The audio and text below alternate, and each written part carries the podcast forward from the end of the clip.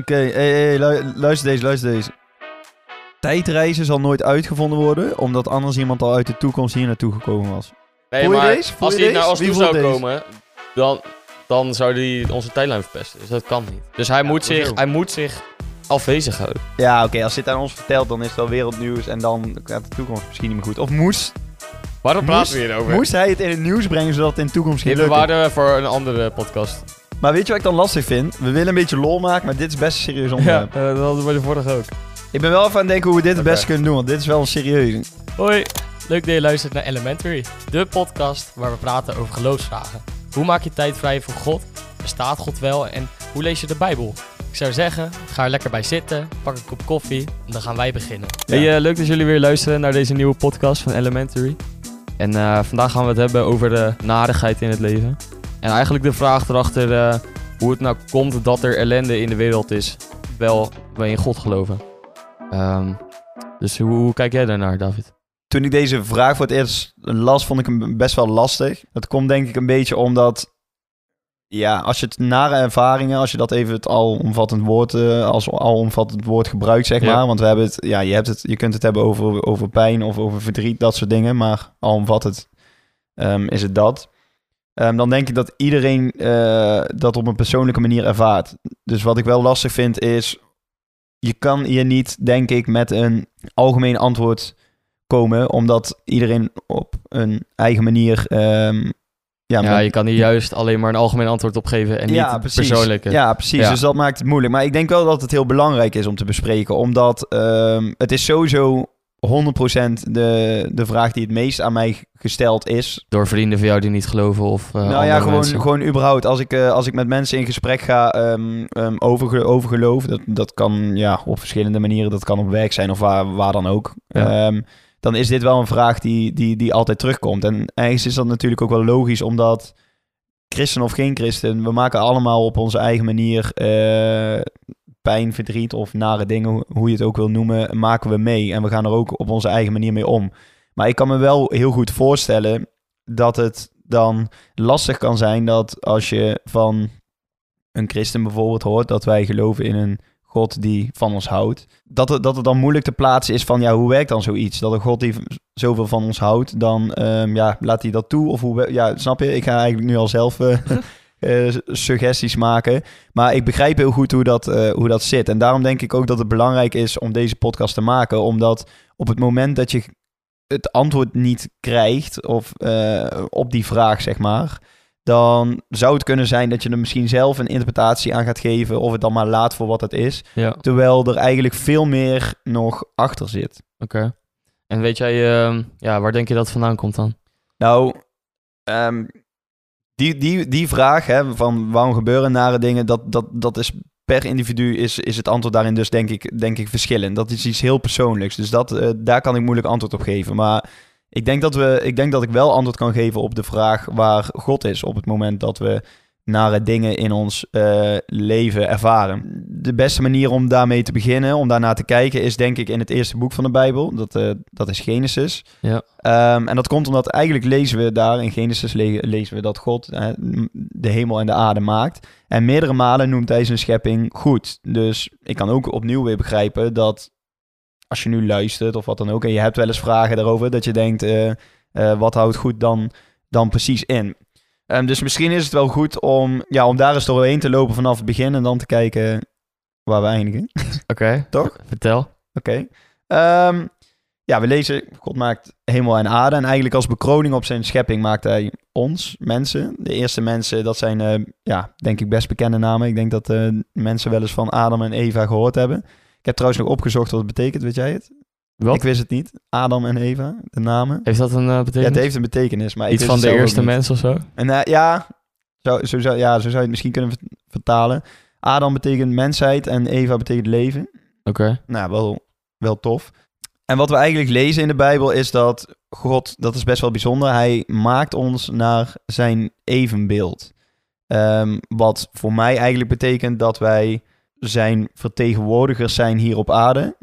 En dat het onze rol is om vanuit al het moois dat hij gemaakt heeft, daar alle potentie van te gebruiken om nog meer mooie dingen te maken. Ja.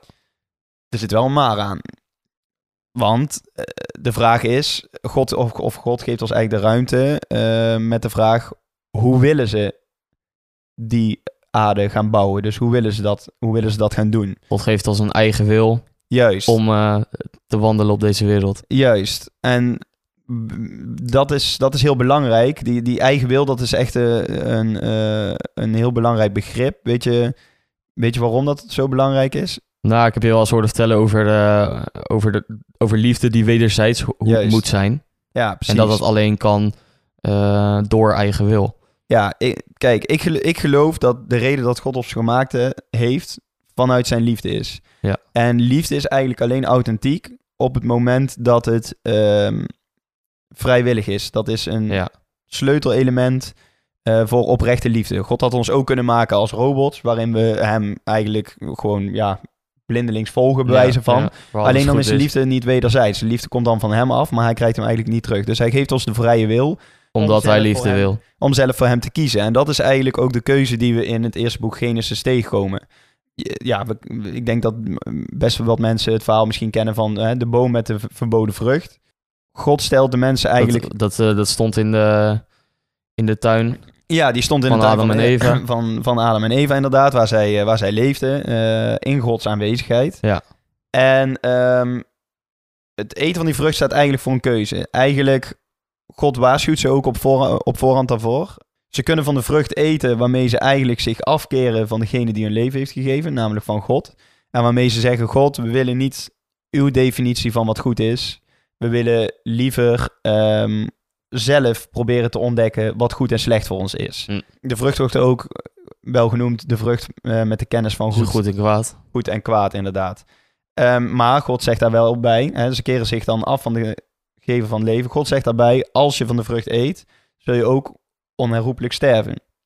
Dat is een gevolg eh, van als ze dat doen.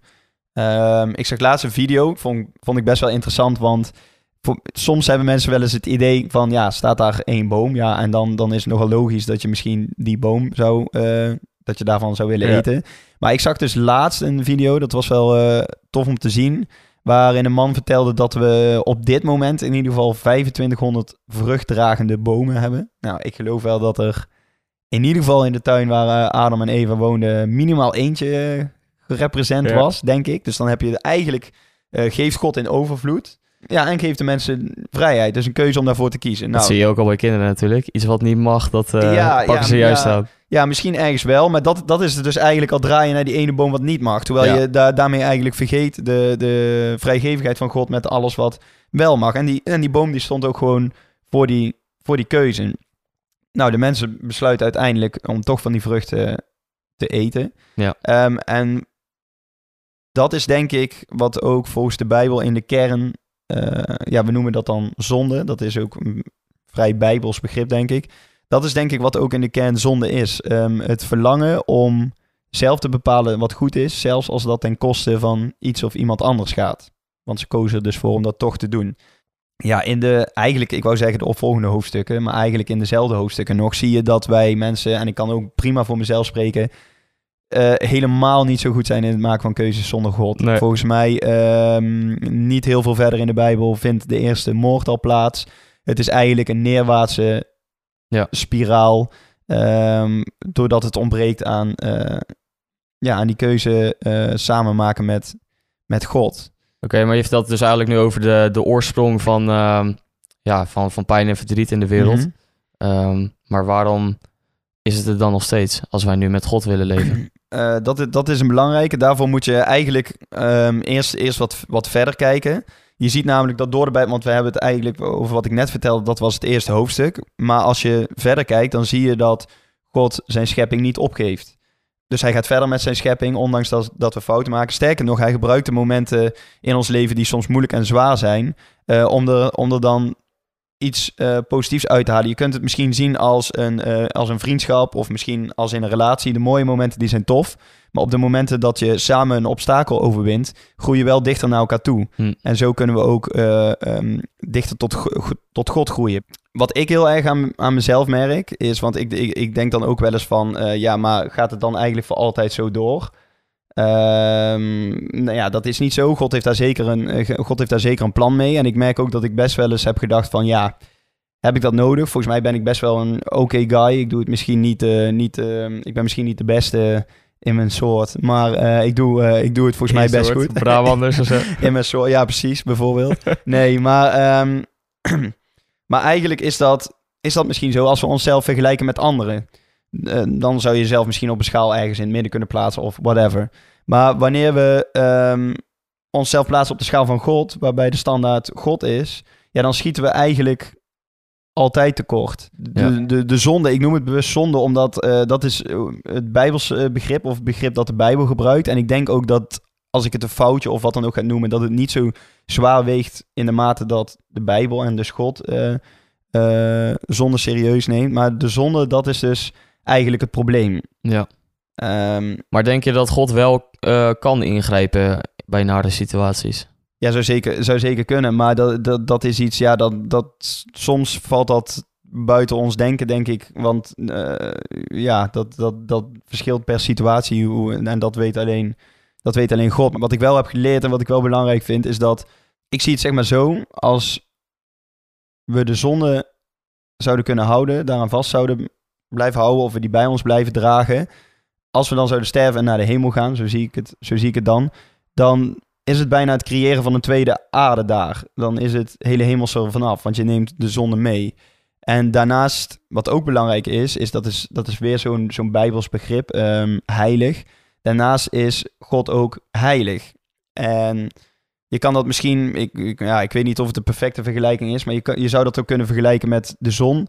De zon is heel mooi vanaf afstand, maar wanneer je dichtbij komt, zul je bescherming nodig hebben. En ehm, zo is het eigenlijk het, hetzelfde bij God. Je kan niet in zijn aanwezigheid tre- treden, zeg maar, omdat dat zo, zo puur is. Hè? Ik denk dat we allemaal, of eh, we, we, we geven op onze eigen manier misschien een eh, een picture, een idee in ons hoofd van wat God is. Maar dat heeft altijd wel iets, iets, iets puurs, hè? iets boven, bovennatuurlijks. En dat is hij ook. God is, God is puur. Dus, ja. dus wij, wij kunnen daar dan niet Dus- met dus- onze zonde bi- nog eh, binnenkomen, zeg maar. Dus daar moet iets gebeuren. Dus er is een, eh, een, een grote plan. Er, er is een, een- je moet kijken naar de bigger picture. Ja, als zeker, je dit eh, zeker, zeker. Want, want, want wat, je, wat je dan ziet, en we hebben het in een eerdere podcast hebben we het er al eens over gehad, maar wat je dan ziet is dat de Bijbel be- beweegt eigenlijk naar één persoon toe, en dat is Jezus. En dat is best wel een gamechanger, want Jezus is helemaal in zijn tijd best wel een, een bijzonder persoon. Hij gaat bijvoorbeeld Hm. met mensen om eh, waarbij de, de samenleving binnen de tijd waar hij, eh, waarin hij leeft, eh, weinig tot geen oog voor heeft. Hij gaat met mensen om zondaars, dus mensen die, die, die fouten maken, eh, zieke mensen, et cetera. En ook weet hij heel erg duidelijk, en vertelt hij ook heel erg duidelijk, ehm, waarom zijn komst belangrijk is. En dat, dat is denk ik een hele belangrijke te- om te onthouden, want Jezus is gekomen, hij was zonder fouten en daar, daar, kennen we, daar kennen we het kruis van. Dat is denk ik een best, best bekend eh, Ja, je hebt hem Symbool. nek, toch? ja, ik heb, er eentje, ik heb er eentje om inderdaad, ja. Dat staat er eigenlijk voor dat Jezus die zonder fouten was. Op het moment dat hij aan het kruis ging, alle zonden die, die, die wij hebben begaan, op zich nam op dat moment. Waardoor wij weer opnieuw, nou dan kunnen we terug refereren naar waar we het net over hadden. Waardoor wij opnieuw heilig, heilig kunnen worden. Hm. En weer eh, bij, God, bij God kunnen komen eigenlijk. Je kan, je kan het eigenlijk zien als, eh, ik vergelijk het wel eens met, eh, met een rechtbank. Als jij ergens terecht, terecht voor staat, zeg Ja. maar. Ik, ik ken heel die begrippen niet, maar volgens mij terecht voor staat. Dan zal de rechter daar uitspraak over gaan doen. Als de rechtvaardige rechter is, zal die jou beoordelen op basis van wat je hebt gedaan. Ehm, en dan kun je wel heel veel dingen gaan noemen van... ja, maar oh, wacht even, ik heb ook dit goed gedaan dat goed gedaan. Maar uiteindelijk zul je vanuit rechtvaardigheid... zul je nog wel berecht worden, ook voor de dingen die je niet goed hebt gedaan. En Ja. je mag het eigenlijk dan zien dat Jezus als het ware die rechtszaal binnenloopt en zegt... whatever, wat, wat dan ook de, de, de straf voor hem is, ik neem die, ik neem die op mij Ja. in zijn plaats. En Ja. dat is een soort van, dat is de ultieme overwinning op, eh, eh, op het kwaad en op het lijden. Dus je kan je zondes ook niet, eh, niet wegwerken of wat dan ook. Nee, je kan, het, je, eh, je, kan dat, je kan dat niet doen met je, met, je, met je eigen doen. Want wat weegt dan wat uit, denk ik dan, denk ik dan altijd. Het is puur door genade, puur doordat Jezus bereid was dat te doen, dat je, dat je gered bent. En wat ik denk dat daar heel belangrijk in is, wat ik heel mooi vind om te zien, is dat dat laat zien hoe serieus God onze pijn, onze verdriet, alle nare dingen die we mee- meemaken, ons lijden neemt. Hoe serieus hij dat neemt. Dat hij bereid was om als Jezus naar de aarde te komen. En in onze plaats die zonde op zich te nemen, zodat wij ze niet langer met ons eh, hoeven te dragen. En weer opnieuw tot God kunnen komen. En sterker nog, daar, daar houdt het eigenlijk ook nog niet op. Want ehm, het is een vers in Johannes. Ik weet niet uit mijn hoofd welke vers het is, maar daar zit je net te lachen. Nee. Daar zoeken we later op. Ja, ja, daar zoeken we later op. Nee, maar het, het is een eh, vers in Johannes waarin staat dat hij alle tranen van ons, eh, volgens mij is het ogen, eh, zal wissen. En dat staat eigenlijk ervoor, ja, de ultieme overwinning op het kwaad en op het lijden. Dat het goede dat we eerst hadden en kwijt dachten te zijn, juist omdat het dan terugkomt. Ken je dat gevoel? Dat je, dat je eigenlijk dacht dat je iets verloren was en dan komt het juist terug. Dat het dan nog meer, dat het dan, ja, op onverklaarbare wijze misschien, want nee, neem me niet verkeerd. eh, ik, ik weet echt wel hoe, hoe zwaar het kan zijn, maar dat dat, dat toch nog overwint. Dat dat, dat toch overheen gaat, Hmm. zeg maar. Dat is best wel... eh, Dat ligt voor ons allemaal in petto. dat ligt voor ons allemaal in petto. En dat is dus, dat is dus eigenlijk hoop die je, Ja, die ja. je hebt. En dat maakt het... ehm, En dat maakt het ook mooi om christen te zijn. ja, en dat maakt het zo bijzonder. En omdat je weet dat, dat Jezus dat in het verleden heeft gedaan, mag je weten dat hij ook vandaag, op de momenten dat we het moeilijk hebben, nog steeds naast ons staat. Want hij heeft zich op dat moment één gemaakt met ons lijden. Dus hij kan perfect meepraten met ons over, over, over wat we meemaken. Hij heeft zelf ervaren hoe dat, hoe dat is. En hij staat dus eigenlijk naast ons op die momenten. Hm. Dat is één, dus hij laat ons niet in de steek. Hij staat naast ons op die Hij kent momenten. het. En vervolgens belooft hij ons ook nog een toekomst waarin, we, eh, waarin het allemaal weer beter zou Hmm. worden. Allemaal nieuw zou worden en we niet meer te maken hoeven hebben met pijn, Ja, dood en allerlei van dat soort... eh, dus het is niet zo dat als je christen bent dat al je pijn en eh, verdriet weg is. zeker niet. Maar Nee. we hebben wel een betere, betere toekomst en wij mogen vertrouwen dat God ons nu kent. Ja, ja en je, je, je, leest ook in de Bijbel dat, eh, dat er wordt gezegd... kom naar mij toe, iedereen die vermoeid en belast is... en Hmm. ik zal je rust geven. Dus dat, dat, Ja. dat zegt iets over dat eh, er, is een, er is een hoop in de toekomst... waar we, waar we allemaal naartoe bewegen. En niemand weet wanneer dat zal zijn behalve God. Maar die, Ja. die hoop is er, daar mogen we ons aan vasthouden. Maar tegelijkertijd is er ook het hier en nu... waarin we nog wel eh, dingen meemaken ja, die, die ons gewoon pijn doen... Ja. of verdriet kunnen maken... maar dat we mogen weten dat we daar niet alleen staan dat hij er op dat moment is en dat hij ja, ons opvangt en weet, weet wat we doormaken en ons daarbij niet, niet in de steek laat, ehm, maar ons daarbij steunt. En denk je ehm, dat wij er wel iets aan kunnen doen als christen in dit, in dit leven? Nou, wanneer je, ehm, wanneer je leest over Jezus in het, in het Nieuwe Testament en over zijn manier van eh, zijn, de manier waarop hij deed, dan denk ik wel zeker dat je daar een voorbeeld, eh, voorbeeld aan kan nemen. De manier hoe hij met anderen om, omging, eh, onbevooroordeeld en altijd vanuit, vanuit liefde, zeg maar, voor de ander. Ja, ik denk dat als we dat met z'n allen zouden gaan doen, het klinkt al meteen een beetje onwerkelijk, hè? Want dan, dan, dan voelt het, tenminste voor mij voelt het dan een beetje zo van, ja, maar dan krijg je mensen die misschien over je heen gaan lopen, juist omdat ze dan eh, misschien wel misbruik maken van, van de liefde die jij geeft. Maar als we dat Hmm. met z'n allen zouden doen, dan denk ik dat, eh, Ja. ja, dat het eh, al wel een hele andere plek zal zijn. En daarnaast hebben we natuurlijk gebed. Kunnen we voor elkaar Sowieso. zorgen.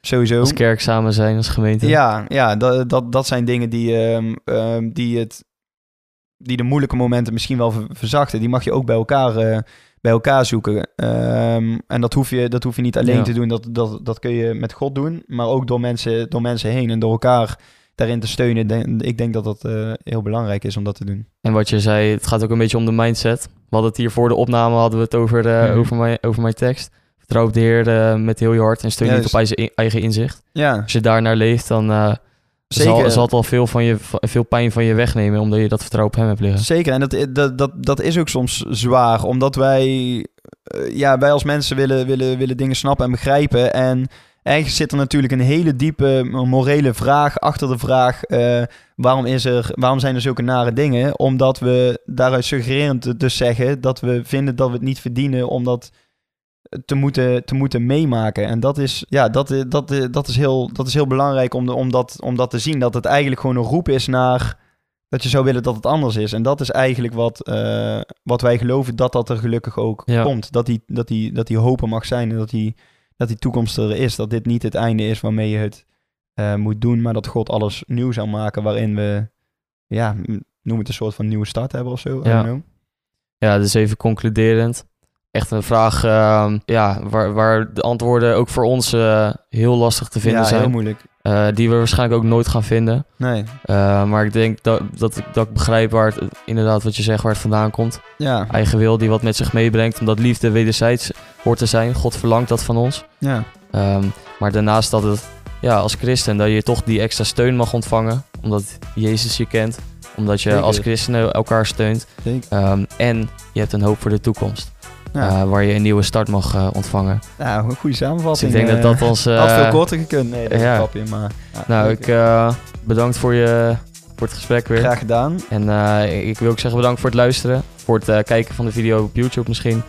En ehm, ik wil je vragen, als je hierover wilt praten met ons.